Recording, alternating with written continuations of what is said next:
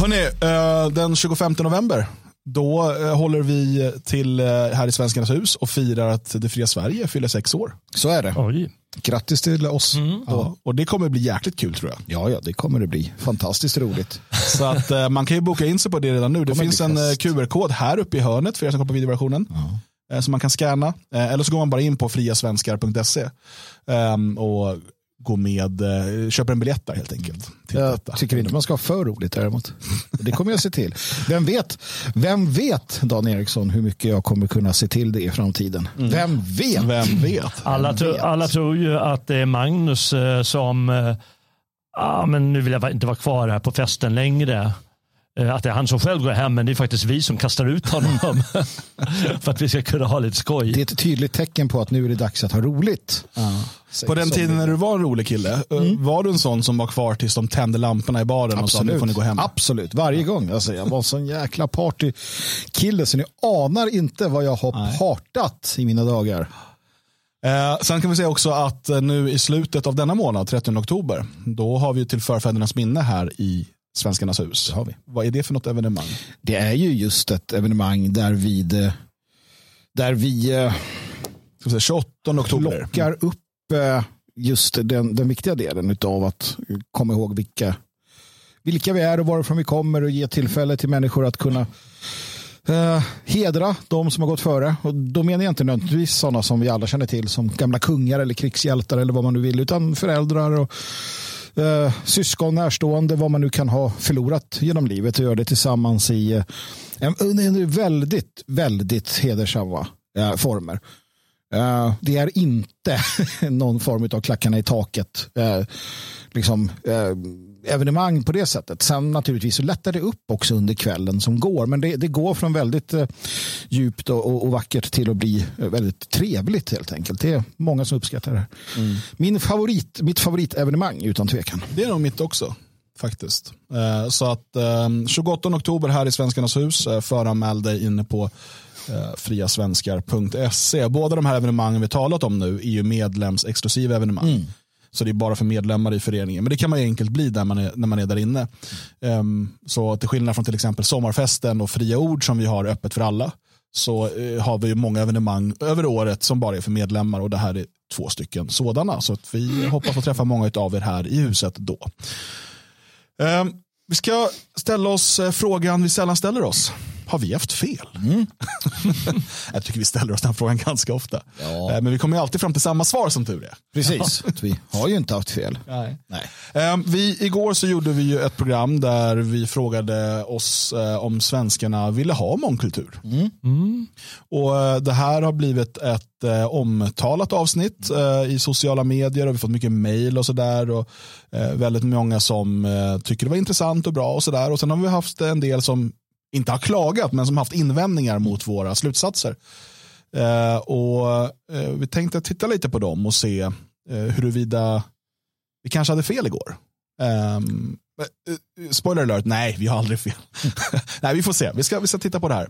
För att eh, jag tycker att det är bra invändningar eh, och därför så är det värt att lyfta dem och diskutera kring det. Eh, men jag ska börja då med att vi kollar på en eh, tweet här, jag ska se om jag bara kan få upp min skärm för er som kollar på videoversionen. Um, med anledning av programmet igår då, så fick jag ett svar här ifrån eh, två stycken. Dels har vi då Svensk i Sverige som är i chatten nu som skrev nej, de är främst rädda. Fötterna är den främsta rösten, den säger allt. Sen att många svenskar är totala egoister med total avsaknad för empati mot andra svenskar är en annan sak.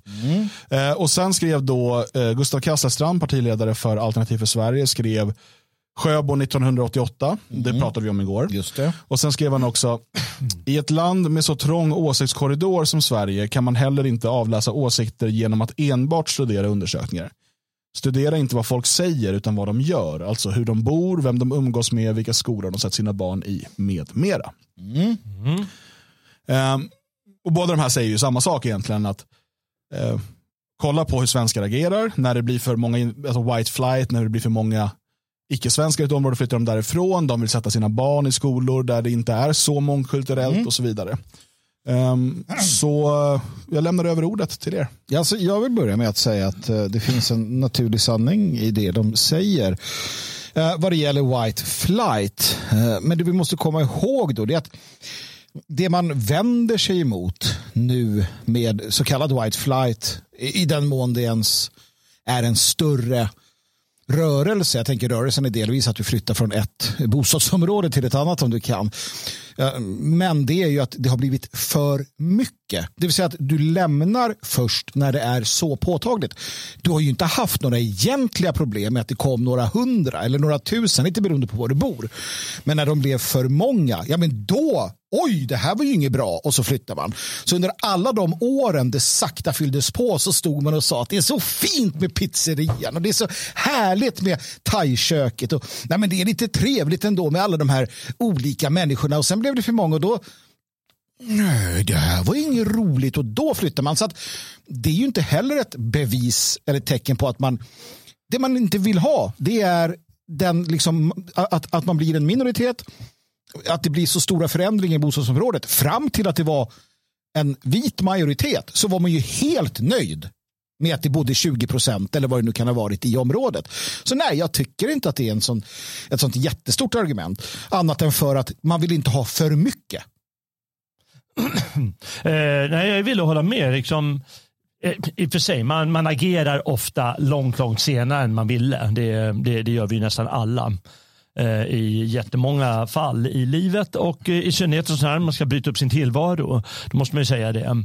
Men, eh, men det är ju helt rätt att säga att folk eh, röstar fel. Men det, det är klart att alla de här människor som röstat med, med fötterna, de har ju röstat fel. Och det är ju betydelsefullt det där att de röstar fel. Skulle, inte det, skulle det vara, aha, men jag går, nej, nu går jag och röstar lite sådär. Det är klart att så är ju folk och demokratin är värdelös på det sättet. Det var också något som togs upp i, i, i chatten att den är helt meningslös och därför bör avskaffas för folk kommer rösta fel. Det är onekligen så. Eh, men eh, jag tycker väl att eh, om man, om man fortsätter så här så folk vad de gör. Men man kan ju ta alla gånger de är ute och pratar liksom i, i vad heter det, på, på, på lärarrummet eller i, i kafeterian där när man jobbar och så. Det är också handlingar. Det är inte tomma ord. Och då säger ju folk också, nej men det där går väl bra. Det där är ju helt okej. Okay. Alltså det, problemet är givetvis att det finns ett tryck och det når ända till handlingarna. Ja, det, det, det, finns på också... hur folk gör. Så jag, vill inte, jag vill inte säga, jag, jag, tror egentligen att folk inte vill ha det här. Men det är lätt att säga 30 år senare. Uh, och uh, det gäller handlingarna också, även, för de kan ibland vara 30 år sena. För jag tror inte att folk vill, ville rösta för det här om de såg facit. Nej, Nej och det där är en viktig, um, skiljer, alltså, att skilja de här sakerna åt. Att svenskarna har sagt och att de har röstat för att de vill ha mångkultur det är bara fakta. Men de har aldrig röstat för att de ville ha de här konsekvenserna. Mm. Det är den här kopplingen som är eh, den felande länken, så att säga. Att man inte har förstått eh, att om jag röstar för detta så blir detta konsekvensen. För det är mm. återigen, det som vi nationalister och andra eh, invandringskritiker av olika slag har eh, varnat för sena 70-talet är ju, vi, vi tittade ju nyligen bara kort från den här debatten från 89, diskutabelt med, med Aschberg. Eh, där Klarström är med, mm, Oredsson är med och så vidare. Och där var mycket väl förklarat, speciellt Klarström är inne på det. Man bygger in nya konflikter och, liksom man får in, och vi pratar om den här balkaniseringen, alltså de här etniska enklaverna, alla de här sakerna. Och Det som vi nu börjar liksom se, det börjar bli övertydligt, det är svårt att liksom inte se det nu. Ehm, vi kunde ju se det, alltså nationalister redan på 80-talet men i mindre format. Vi såg hur eh, olika invandrargrupper helt naturligt sökte sig till sina egna och skapade små egna parallellsamhällen. Och det här också då uppmuntrades och finansierades av staten. Sen, eh, men, men, ju... men, men, och, och vi, då pratar jag om vi nationalister, för jag var 89 var jag sju år gammal. Vi såg att vad, det här, vad kommer det här leda till? Om vi extrapolerar det om vi fortsätter så här, vad kommer det då leda till? Eh, och Uppenbarligen så har ju, för jag tror väldigt få svenskar går och röstar och säger så här, jag vill ha klanvälde och gangster, eh, liksom, mord på gatorna, det är det jag röstar för. Eh, men däremot så vill de ju ha mångkulturen. Alltså de, det var som ett, eh, att man trodde att det var någon typ av smörgåsbord. Där man liksom skulle kunna plocka eh, russinen ur kakan. Och man kan hävda att, eh, för det var ett av argumenten som fanns igår då från Christian där som, som vi började med. Att eh, de svenskarna är för, att de inte hade all fakta på bordet. Och eh, man kan också hävda att eh, de är idioter. Det är liksom de två, de två argument som fanns. Jag tycker att det sista kan vi lägga åt sidan för att eh, jag tycker att det blir att det blir typ folkförakt i det som jag inte riktigt kan, kan skriva under på. Men vi tar det första. Och det är här vi börjar prata om, för att vad, handla, vad, är, vad är huvuddiskussionen vi hade här? Det är ju så här huruvida svenskarna har röstat för det eller inte. För Det var det som var Christians kritik som vi började med. Att folk som säger att svenskarna har röstat för det här är bla bla bla. Det var en massa känslosås. Eh, men svenskarna har ju de facto röstat för det. De har de facto, alltså för mångkulturen. Och att då säga att de hade inte tillräcklig information. Det är att ta bort ansvaret från de människor som har gjort det här valet. Och jag menar att självklart ligger det absolut högsta ansvaret på politiker och media och så vidare, för de har mycket mer makt. Men man kan inte helt ta bort ansvaret från den enskilda som går och ger de här människorna makt genom att köpa deras tidning, genom att eh, rösta på deras parti och så vidare. För gör man det, då har man också ett ansvar att ta reda på vad det innebär att man gör detta.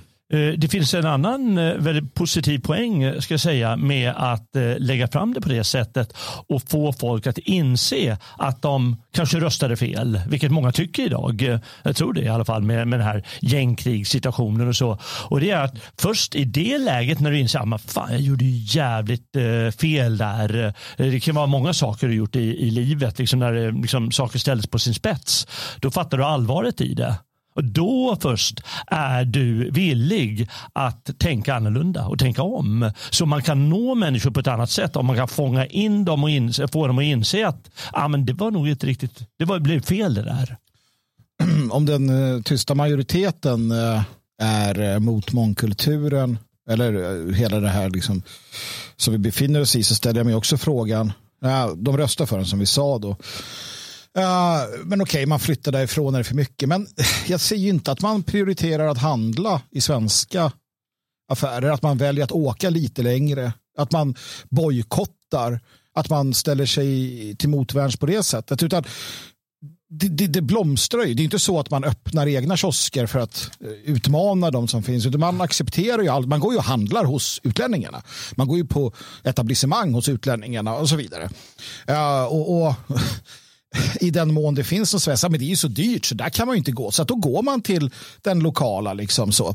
så att uppenbarligen så okej, okay, jag, jag, ger det. Många flyttar därifrån, det är för mycket. Ja, jag har men haft diskussioner med liksom folk där jag bor. I alla fall. Ja, men som um, aktivt väljer att gå till uh, den utländska frisören istället för den svenska. För att det är 100 kronor billigare. Ja, det är klart. Mm. Precis. Precis. Eh, så, så att, och de kanske flyttar från området för det är för mycket invandring just där de bor. Men att åka tillbaka och klippa sig för 100 kronor billigare, det gör man så gärna. Och, och det duger inte. Ja, då, det duger inte att bara flytta då från, från, från området man bor i om man nu har den möjligheten. Och, och det är inte ett, ett, enligt mig ett, ett starkt bevis för att det finns en tyst majoritet som inte vill ha det så här. För den tysta majoriteten hade agerat annorlunda. Mm. Jag skrev sist väldigt mycket intressant i chatten. Jag såg att Eva-Marie skrev tidigare att uh, hon gick runt och trodde att de som har flytt hit, mm. de ska ju ändå flytta tillbaka. Precis. De är ju här för att mm. söka. Mm. Och det tror jag många har trott när det gäller flyktingar och sådär. Absolut. Att det är något tillfälligt. Ja. Ja. Um, och det här är, vi kommer komma in på det snart, men som när Angela Merkel höll det här multikulti is talet mm. Då sa hon det, vi har sett på de här människorna som att de är här som tillfälliga gäster, men de är lika mycket Tyskland som vi är, mm. var hennes poäng. Mm. Eh, och därför kan, måste vi släppa det här multikulti, alla vi är Tyskland. Mm. Eh, och eh, även här då så skriver Eva-Marie så här. Um, man har varit så dum. Man slash jag har gått och trott att svenska politiker arbetar mm. för Sverige och svenskars bästa och inte emot. Fanns inte på kartan. Man tro att svenskar var mot Sverige. Nej, mm. Nej men det är klart man Nej. har trott det. När de fattar sina beslut under 50, 60, 70, 80. Det är först på senare tid som allt fler börjar inse just att vänta nu, de här politikerna är ju för fan, de vill oss illa. Mm. För att det har inte varit så tydligt som det är idag. Så det här är intressanta aspekter som Eva-Marie lyfter. Som nyanserar och förklarar delvis varför man fortsätter och, att gå på. Jag menar, I ett, i ett, ett hyfsat homogent Sverige som, som Sverige var väldigt länge så ska det också finnas utrymme för politiska stridigheter och man tänker på ja, men det, det är liksom skattesatser och det är en massa saker, aborträtten till och med eller annat eh, som man är upptagen med och som man håller på med. Så att man tänker ju att politikerna åtminstone vill oss väl. Hade svenskarna fattat att politikerna inte ville dem väl då hade de inte heller agerat som de gjorde, det är jag rätt säker på. Mm. Um, och um, Fresh Sushi skriver här, det här är ju uppfriskande. Det finns inga ursäkter, jag tänkte gjorde fel, så är det. Um, och det är, lite så, det är lite det här som är poängen, att vi kan hålla på och gnabbas om vem som gjorde rätt eller fel för 30 år sedan. Det är egentligen irrelevant, vi behöver en väg framåt. Ja. Mm. Men det är just, jag, och jag, det som vi gör med Det fria Sverige och som jag själv liksom som är, som en käpphäst för mig, det är det här att vi måste bara inse vårt eget ansvar. Mm. Och det är vårt eget ansvar framöver också. Och då, det är därför jag är lite allergisk mot den här eh, liksom idén att man inte alls ska kunna utkräva och säga att ah, du har gjort fel. Mm. Nej, nej, nej, nej, jag gjorde inte fel. Mm. Ja, men det är bättre bara, alltså, vi har ju all, jag har gjort massa fel, jag har gjort massor av fel. Mm. Och jag kan börja rabbla upp de här allihopa. Nej, det har vi inte tid ja, men Nej, det blir, det blir extra, vi har en extra podd sen. Um, Nej, men och det bara så här, ja, fan, jag, jag hade inte tagit reda på vad det innebar, jag gjorde fel, men nu ska jag göra rätt. Mm. Det, det, är inte mer med det. Mm. Eh, så, så, enkelt, så enkelt är det. Men just den här att man då, idén om att man inte på något sätt ska eh, ifrågasätta det, det är liksom de val som svenskarna faktiskt har gjort. Mm. Eh, men eh, en sak till eh, angående det här att eh, kunna nå människor, för det pratade vi om igår. att eh, jag menar, tänk om vi har förstått de svenska rösterna och de svenska åsikterna och allting fel. Då betyder det att när vi står här i studion och gaggar, då blir det bara gaggning om vi inte fattar hur läget är mm. på riktigt. Och Det betyder att det måste vara någon sorts tillnyktring av hur verkligheten fungerar och hur människor fungerar och varför de gör som de gör och varför det har blivit som det har blivit. Och annars, annars kommer man bara stå och, och, och snicksnacka. Och det, och, så det är en viktig, låt oss kalla det en tillnyktring. Ja, men sen är det ju viktigt att eh, också ta fasta på det som Eva-Marie eh, med flera skriver och ger uttryck för, sådana som vi också har träffat. Och det är det faktum att, att de, de själva var anhängare av den här, det här systemet mm. i, någon, i någon mån. Um, för att sen vid något tillfälle komma på att vad fan håller jag på med? Det här var ju inte alls bra. Det betyder ju att, att det går att, att det går för människor att ändra sig. Det går för människor att, att hitta hem, att hitta rätt, att hitta tillbaka till liksom en, en lojalitet till sitt land istället. Och det betyder också att vi kan ju inte sluta. Hur, hur mycket man än tycker att folk borde ha fattat vid det här laget så kan vi inte sluta heller från vårt håll eller från andra att, att säga nej men då skiter vi alla. Utan den delen som vi sa igår måste alltid finnas som Svegot eller annan informationsspridning. Ja, men det är ju som sagt, jag tycker att det som du var inne på Dan inledningsvis igår och även idag, att det här att, att vi måste förstå att det fortfarande finns människor som tror sig vilja i alla fall idag. Tror sig vilja mångkultur, folkutbyte eller att de egentligen eller att de inte bryr sig. Att de tror sig vilja det eller inte bryr sig faktiskt också kan ta till sig information och, och komma på att nej, det här vill jag ju inte alls.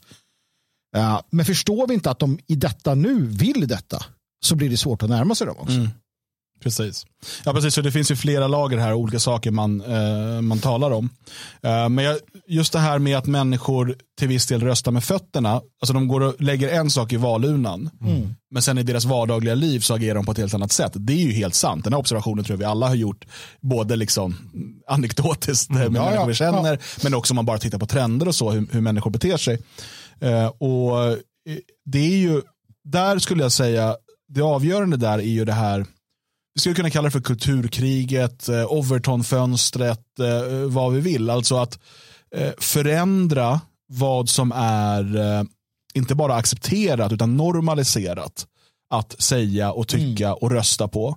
Eh, och det, det, är en långsiktig process. Det här måste man också ha klart för sig. Jag tror att väldigt många går in eh, i ett engagemang i de här frågorna och tror på en snabb förändring. Mm.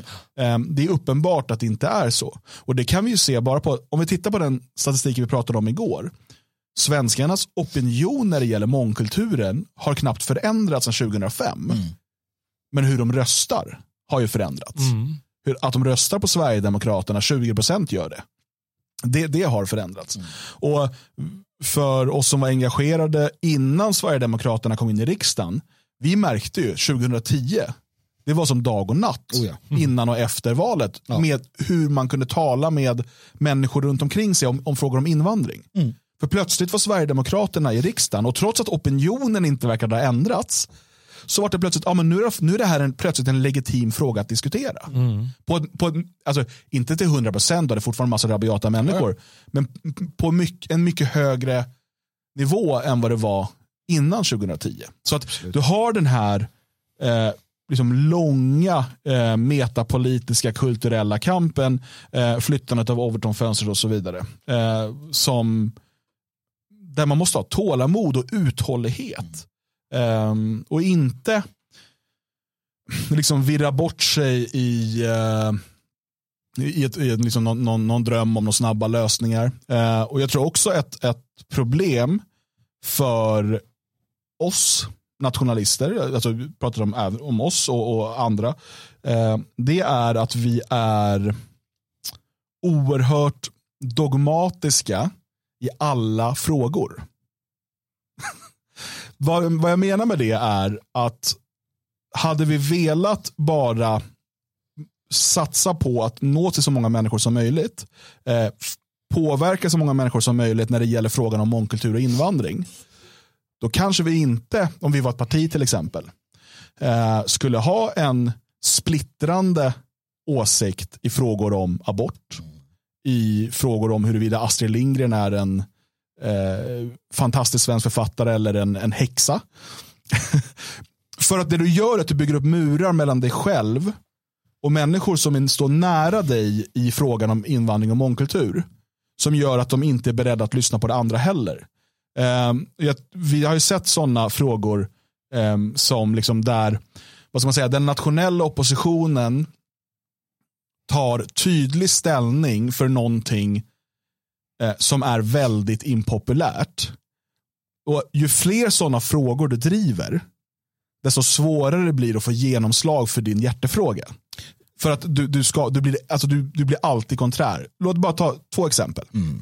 Säg att du de här senaste åren mm. hade tagit ställning du, du driver frågan om att vi måste stoppa invandringen och, och Sverige ska vara svenskt och så vidare och du får mer folk på tråget. Och sen tar du ställning för Rysslands invasion av Ukraina mm. och du tar ställning för Hamas eh, attack på Israel. Mm. Vare sig de sakerna är liksom moraliskt rätt eller fel, det är irrelevant här. Det relevanta är att om du vill nå ut med den här frågan så kanske du inte bör bygga de murarna. Och där, vi ska prata SD om en liten stund, eh, har ju SD, det finns både ris och ros där, men jag tror att många av de val som SD har gjort i vissa frågor de senaste åren har varit med just den insikten att om vi ska få igenom vår hjärtefråga då kan vi inte liksom ha de här murarna uppsatta i andra frågor. Ja, men det där är ju också, det där är, du har rätt och, och det, det här försvarstalet till Sverigedemokraterna som du just levererade uh, är, ju är ju sant utifrån, utifrån den, den realpolitiska aspekten. Är du ett parti med de här ambitionerna, absolut. Sen finns det ju ett, eh, tack och lov så har ju vi valt en annan väg när det kommer till eh, när det kommer till dagens Svegot och, och det här projektet vi driver här. Däremot, när det kommer till det fria Sverige, som en, en eh, och det är här problemet som jag känner dyker upp. Vi är de vi är här. Och folk ser oss som, som helt och hundra procent eh, samma liksom, integrerade med det fria Sverige. Vilket gör att, att det vi säger här, vare sig vi vill det eller inte, blir liksom någonstans någonting som blir det fria Sveriges idé och åsikt också. Vilket är helt fel. För att vi tar på oss en annan hatt när vi driver frågor för föreningen. Det är också därför som vi i förlängningen, eh, som vi säger med jämna mellanrum och gärna inför årsmöten, behöver se en förnyelse av styrelsen för föreningen. Att jag sitter där och tror att jag eller Dan ska kunna driva liksom en, en lågtröskel, eh, poly, eller, lågtröskelförening för svenskar med tanke på framförallt min bakgrund. Det är ju bara löjligt. Um, för att där har det enorma trösklar att behöva klättra över. Med liksom all möjlig utrustning och nästan helst helikopter flyga över dem. Så att du har helt rätt. Men däremot så är jag ju mest bekväm i en, en roll som den jag har när jag skriver och tänker och pratar och resonerar då man kan vrida och vända på det och ta de här kontroversiella ställningstaganden. Jag är inte en politiker, inte du heller, inte du heller. Men är man det, då har du helt rätt. Så att Sverigedemokraterna har ju i backspegeln gjort rätt utifrån den med största sannolikhet utifrån den liksom, idén de har haft. Um, så så är det ju. Mm. En, en, sak till, jag vet inte om, om jag tänkt färdig tanke, men det är ju att um, det, det, det, finns ju en galen idé i det moderna samhället att politiken kan sköta allting. Mm. Och det är ju, eftersom den inte kan det så blir en, en sån här essentiell grej som ingen förstår vidden av, nämligen mångkulturen och massinvandringen.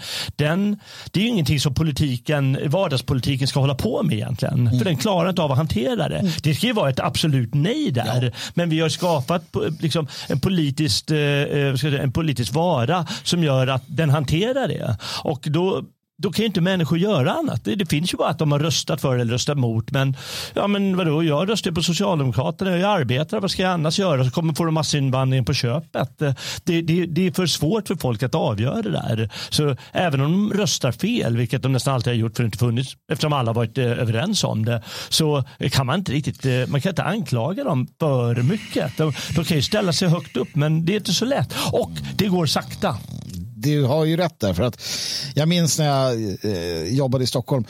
hade jag en kollega som, som var socialdemokrat. Eller han röstade på S. Men han var värre än mig i många sådana här frågor. Mm. Och jag frågade, men hur fan kan du fortsätta? För jag frågade, hur ska du, vad ska du rösta på i valet? Det var val på gång. Han bara, ja men sossarna. Och jag bara, men hur kan du det med tanke på? Han bara, nej men vadå? Jag, måste, jag har fem barn. Jag, jag, tittar på bidragen, jag tittar på det och det och det. Jag bara, men fattar du inte att det här är en ödesfråga? Men för honom så här, ja men vadå? Det här är det, de kommer göra det och det och det och det och det är bra utifrån arbetssituationen, mina barn. Jag bara, men det är ju jättekortsiktigt. Han bara, ja möjligtvis så, men jag har inte råd att vara långsiktig i den situation jag befinner mig i. För det som du säger, han vill inte ha massinvandring mångkultur. Men sossarna hade ändå bättre på alla andra punkter, tyckte han då. Och det är så här, ja, jag gav ju upp, det gick ju inte att resonera. Men så är det många mm. som tänker. Ja. Mm. Mm. ja, nej, jag har eh, haft många liknande diskussioner. Um, och liksom, det gäller ju allt också, människor som är engagerade i fackförbund och sådär. Och så frågar man, liksom, men du skänker pengar till sossarna, mm. mm. alltså om det är ett sånt fackförbund. Ja, men jag får billigare hemförsäkring. Mm. Ja, men, eh, det kan ju vara alla möjliga lyten man har. Nej, men liksom. alltså, det, det är så det är och, och, är det någonting man på ett sätt måste ha respekt för så är det att människor eh, har väldigt mycket i sina egna liv att tänka på. att liksom, eh, Alla har inte det nördiga intresset vi har för de här frågorna. Mm. Eh, så är det. Men eh, ja, så att eh, jag tycker att det var bra ehm, liksom, ska man säga, nyansering här och, och, att de här inläggen kom och vi har fått flera andra mejl och, och, och sådär. Men det här tyckte jag var som kom oftast. Mm. Och därför tog vi upp just det här. Och stort tack för att ni hör av er och har kommentarer. Det, det får ni jättegärna fortsätta med. Jag skulle vilja att vi eh, kollar vidare, för jag pratade om det här med Overton-fönstret och, och, jag skrek Hell Jimmy och sådär. Mm. Um, och det var väldigt intressant att igår läsa i Expressen en intervju med Jimmy Åkesson. Uh, för vi pratar just om det här då, vad är okej att säga vid olika tillfällen uh, och så vidare. Och vi, eh, jag ska läsa ifrån den här artikeln då. Um, då säger så här, men i samma andetag konstaterar SD-ledaren att det inte kommer att räcka. Man måste förstå att de här dödliga skjutningarna bara är toppen av isberget. Bakom finns klanstrukturer, hedersstrukturer och andra kriminella strukturer som är väldigt omfattande och som ätit sig in i hela samhällskroppen, säger han. Jimmy Åkesson anser att tiden är mogen att föra in diskussionen på hittills obeträdd politisk mark. Det handlar om att frånta kriminella och andra som inte är en del av samhället sitt svenska medborgarskap. Jag tycker att vi har hamnat där, att vi måste börja diskutera det, säger han. Det handlar alltså inte bara om att utvisa grovt kriminella som saknar svenskt medborgarskap. För om det råder relativt bred politisk enighet. Utan det handlar om de som är svenska medborgare men som av olika skäl förbrukat den rätten som Åkesson ser det. Han är noga när Expressen träffar honom att han resonerar högt och att partiet inte landat i en fast ståndpunkt ännu. Någonstans har utgångspunkten varit att man inte kan göra någon statslös. Men har du medborgarskap i ytterligare ett land så finns det ju faktiskt möjlighet att ompröva det svenska, säger han. Att göra det möjligt för staten att dra tillbaka medborgarskapet för personer som Rawa Majid, även kallat kurdiska räven, är enligt Åkesson en lågt hängande frukt. Men han öppnar samtidigt dörren för att även dra tillbaka medborgarskap på andra grunder. Det vi har sagt hittills är att man borde kunna titta på medborgarskap för terrorister och för gängkriminella. Att man jämställer den typen av brottslighet. Det betyder ju att du frångår principen om allas likhet inför lagen. Och har du väl börjat göra det kan man ju faktiskt ta det resonemanget längre. Och jag är absolut beredd att göra det i det läge vi befinner oss i, säger Jimmy Åkesson och fortsätter. Vi har en situation där människor lever i Sverige som medborgare i Sverige men de fortfarande inte pratar svenska. De har ingen som helst koppling till det svenska samhället. De är bara här för att begå brott. De drar ner ryktet för svenska medborgarskap och svenska pass internationellt. Allt det här behöver Sverige nu komma bort från, säger han. Jag tror inte att det finns någon annan lösning än att börja titta på att riva upp medborgarskap. Mm. Och det, det, är ju eh, som sagt väldigt bra att han lyfter det här för nu kommer det bli lättare att prata om de här sakerna. uh, och, och, det måste vi göra naturligtvis. Uh, det fria Sverige, eh, Sverige kan jag inte prata längre. Det fria Sverige gick häromdagen ut med ett krav. Eh, ett krav som till exempel säger att människor som hyllar den typen av eh, terrordåd, massakrer och elände som vi ser. Vi såg senast från Hamas, men vi har sett på andra ställen. De människorna som inte är svenskar ska ju ut direkt. Vi kan ju inte ha människor i Sverige eh, som är liksom främlingar, som säger har invandrat från Palestina, som visar bilder på lemlästade människor, skrattar och njuter av detta. Sådana människor ska inte vara i Sverige. Nej. Det borde ju vara ett, ett skäl. Och så kanske någon säger, ja men det finns ju svenskar som gör det. Ja, och det är våra svenskar och de får vi hantera. Mm. För att, men vi ska ju inte ta hit folk som gör det. Nej. Att det ens kan, att det ens kan, kan liksom rendera någon form av eh, något upprört tänkande. Det är ju sinnessjukt att någon säger nej men de ska vara kvar. Det är klart vi ska ha sådana här. Det är ju de bra invandrarna. Ja, men, ja precis. Det är, de, nej, det, det är ju vansinne. Va? Så, sånt kan ju inte accepteras. Men det accepteras och de människorna finns ju kvar och de kommer få bidrag och, och allt möjligt fortsättningsvis. Nej, så kan vi inte ha det på. Så, låt oss då bara tala då om de metapolitiska effekterna, alltså hur Overton-fönstret flyttas när han säger de här sakerna. För det är det som är det intressanta. Eh, jag såg att AFS var ute och kritiserade och menade att det här är bara ord och ingen handling. Och, eh, för det, man har ju delat ut massa medborgarskap och uppehållstillstånd under det här året trots att vi har den här Tidöregeringen och så vidare. Och all den här kritiken är legitim. Eh, för att än så länge är det verkligen bara ord oh ja, oh ja. och ingen mm. handling. Mm. Men orden är inte betydelselösa orden förflyttar debatten. Och det är väldigt intressant hur han uttrycker sig. Det han säger är det vi har sagt hittills. Mm.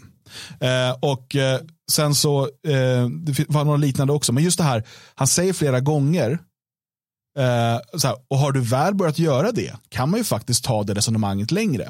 Han säger själv att han tänker högt ja, och jag tror ja. att han tänker lite för högt här. Mm. För att det låter som att han fattar ju att de måste någonstans ta det här steg för steg. Mm. Men han är redan på nästa steg och berättar för journalisten att mm. jo, jo, och sen när vi gjort det då kan man ju ta det rätt längre. Mm. För att eh, man kan ha massor av invändningar och kritik mot Sverigedemokraterna.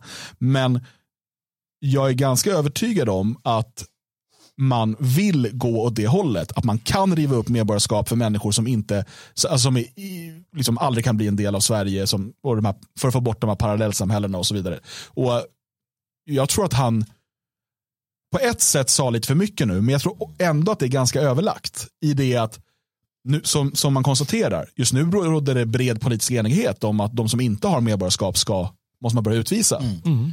Och Då är det ju dags för dem att flytta debatten.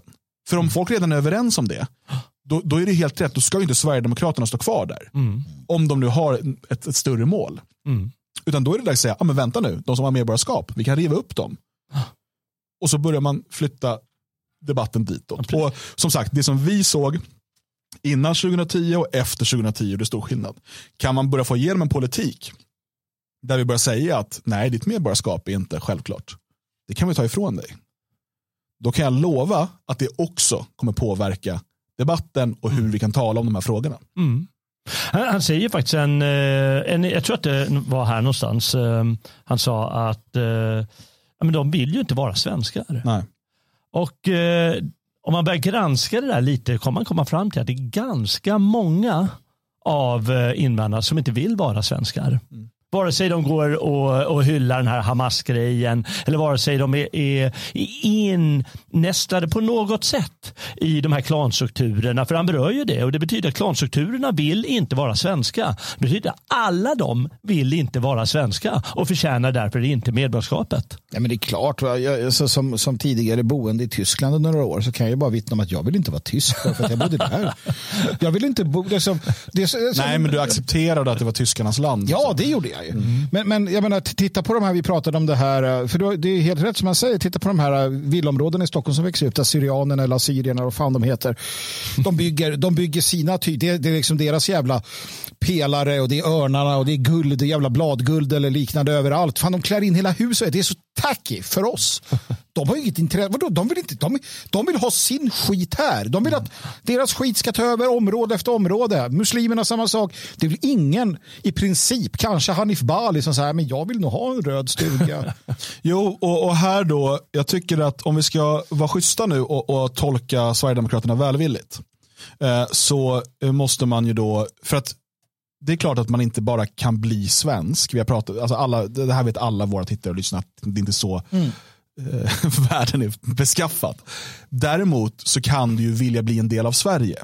Och Vi har ett problem i Sverige, det är att vår etnicitet och vårt medborgarskap heter samma sak. Alltså medborgare i staten Sverige är svensk enligt liksom, orden. Eh, och den som tillhör vår folkgrupp är också svensk. Och det här är problematiskt för man pratar om två olika saker. Men de, de blandas då lätt ihop. Eh, och det skulle, skulle man göra verklighet av, vi ser här vad man, Jimmy Åkesson säger så här. Det handlar om att tvinga människor ur ett självvalt utanförskap, säger han. Man måste bryta det här genom att tvinga människor att anpassa sig till våra värderingar. Man kan inte leva i Sverige och vara del av ett klansamhälle utan vårt samhälle byggs på ett annat sätt. Antingen får man acceptera det eller flytta någon annanstans. Och hur tvingar man folk att anpassa sig? Frågar Ja, genom att göra alternativet betydligt sämre. Du knyter inte minst välfärden och offentlig service till medborgarskapet och du höjer samtidigt kraven för medborgarskap kraftigt. Det man då försöker göra här, om man ska kunna driva den här politiken, man ska få med sig majoritet av riksdagen på det här också, ska, komma, ska man komma ihåg, det är ju då att eh, liksom skala bort, eh, det, vi pratar här om kanske 60, 70, 80 procent av icke-européerna.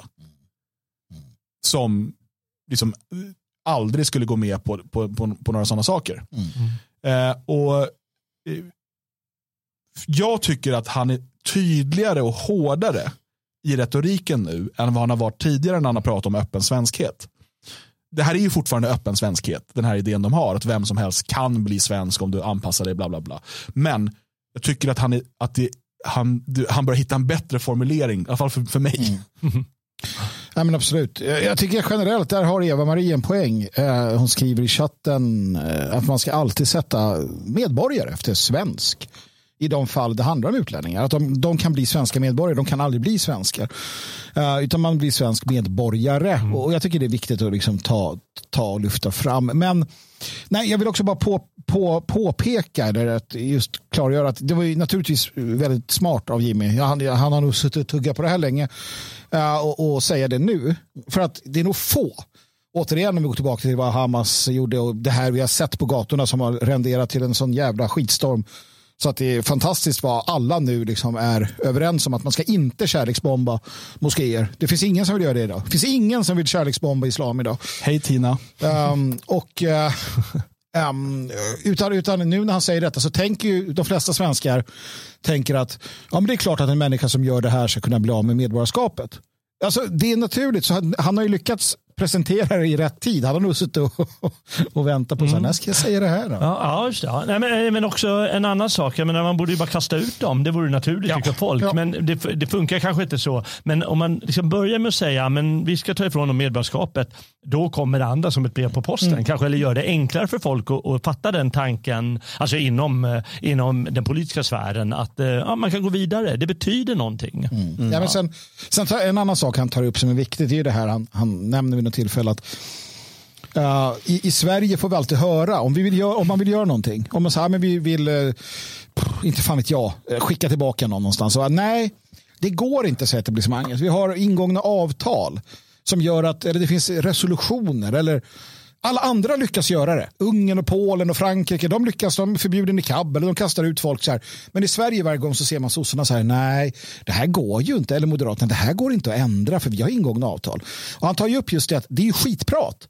De här avtal, alla andra på jorden kan skita i alla avtal. Men just i Sverige har det använts så länge som ett argument att, att folk har vant sig vid det på något sätt. Uh, och det är bra att han tar upp det eh, faktiskt. Ja, uh, och du sa att tajmingen är bra nu. Mm. Eh, för det finns väl, det är gängkriminaliteten, du har då de här som hyllar mm. Hamas och sådär. Det var ganska intressant, just Svenska Sverige som är chatten skrev på Twitter också så här. Mm. Han skrev, jag tror svenskarnas sätt att reagera på Israel-Palestina-konflikten vittnar om hur de egentligen känner innerst inne.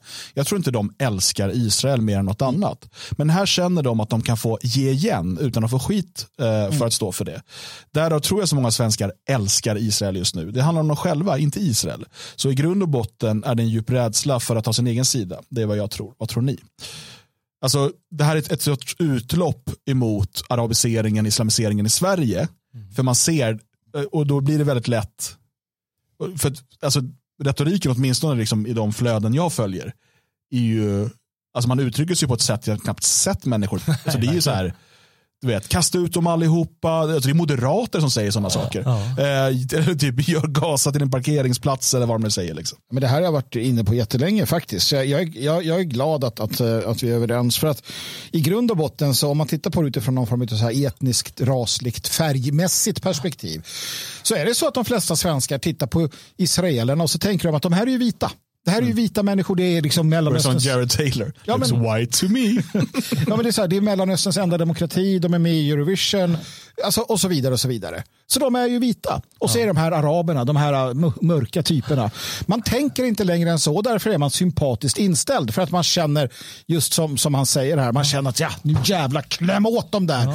Och det man tänker, det är alltså kläm åt de där jävlarna i, i, i, i gettot. Mm. Det är det man ja, ser, ja. att vi borde rulla in med IDF i, i de här gettorna, fast inte IDF då, och göra det här. Det är det man, ser man vit fosfor över mm. Gaza så tänker svenskar, det här är vit fosfor över och sen så något område. Ja. ja. helt sant, helt rätt och det är bra. Ja, och det är bra att det, att det tas upp för det bara slog mig plötsligt att den här sortens reaktioner, de, den kom ju inte eh, på dådet eh, på Drottninggatan. Nej. Kommer du ihåg det? Ja. Det var ingen som snackade om att nej, nu jävlar ska vi cementera hela jävla Palestina eller Irak eller vad fan han nu kommer ifrån, eh, Nissan. Mm. Eh, utan då var det mycket, nej men nu ska vi inte hetsa upp oss mm. va? för det, det sades eh, på alla sätt, vare sig de påverkas av media eller de egna hämningarna eller vad det nu är. Men, eh, men nu blir det fritt utlopp och det gäller liksom fatta varför. Mm. Så det är bra att det tas upp. Mm. Mm. Ja, nej, uh, verkligen. Ska se om jag hade någon mer uh, grej som vi skulle kolla på. Jag har fått för mig det i alla fall, men jag kan ha blandat ihop det. Mm. Jag tänkte bara rekommendera Arthur Kemps uh, bok, mm. uh, Jihad, uh, om man är intresserad av hur de här islamistiska grupperingarna fungerar. Den finns ju såklart på logik.se. För er som kollar på videoversionen kan man scanna någon QR-kod här nere någonstans. Eh, och så. Eh, men gå in på logik.se och beställ hem den för 119 spänn. Eh, kan vara en fin julklapp också till någon som behöver, behöver lite mer kött på benen. Det kan också bli en väldigt konstig jul om du ger det till fel person som inte, som inte är så mottaglig för sånt där. Men mm. absolut. Uh, Ska se, hade vi något mer på det här ämnet? Det känns som att det är något jag har glömt vi skulle prata om. Nej, men vi kommer nog på det. Vi kommer sända några avsnitt till. Framöver. Vi kommer sända igen. ja. Eh, men då tänker jag så här att eh, vi tackar er som har varit med och lyssnat hit. Eh, om du inte är med live eller inte är stödprenumerant, ja, då kommer ditt program ta slut här. Mm. Men du som är stödprenumerant eller om du kollar live eller, eller lyssnar live, Ja, det fortsätter ett bra tag till för att vi ska nämligen köra eh, vårt eh, hyllade, älskade, ja, det är till och med anordnas festivaler i ära till detta segment som normalt sett är på tisdagar men nu på onsdagar för att vi är som vi är. Mm. Vill du eh, kolla in det eller lyssna på det eh, i efterhand så går du in på svegot.se support eh, och så blir du ehm, stödprenumerant. Men nu kör vi hiss eller diss och eh, då låter det så här. Hiss eller diss.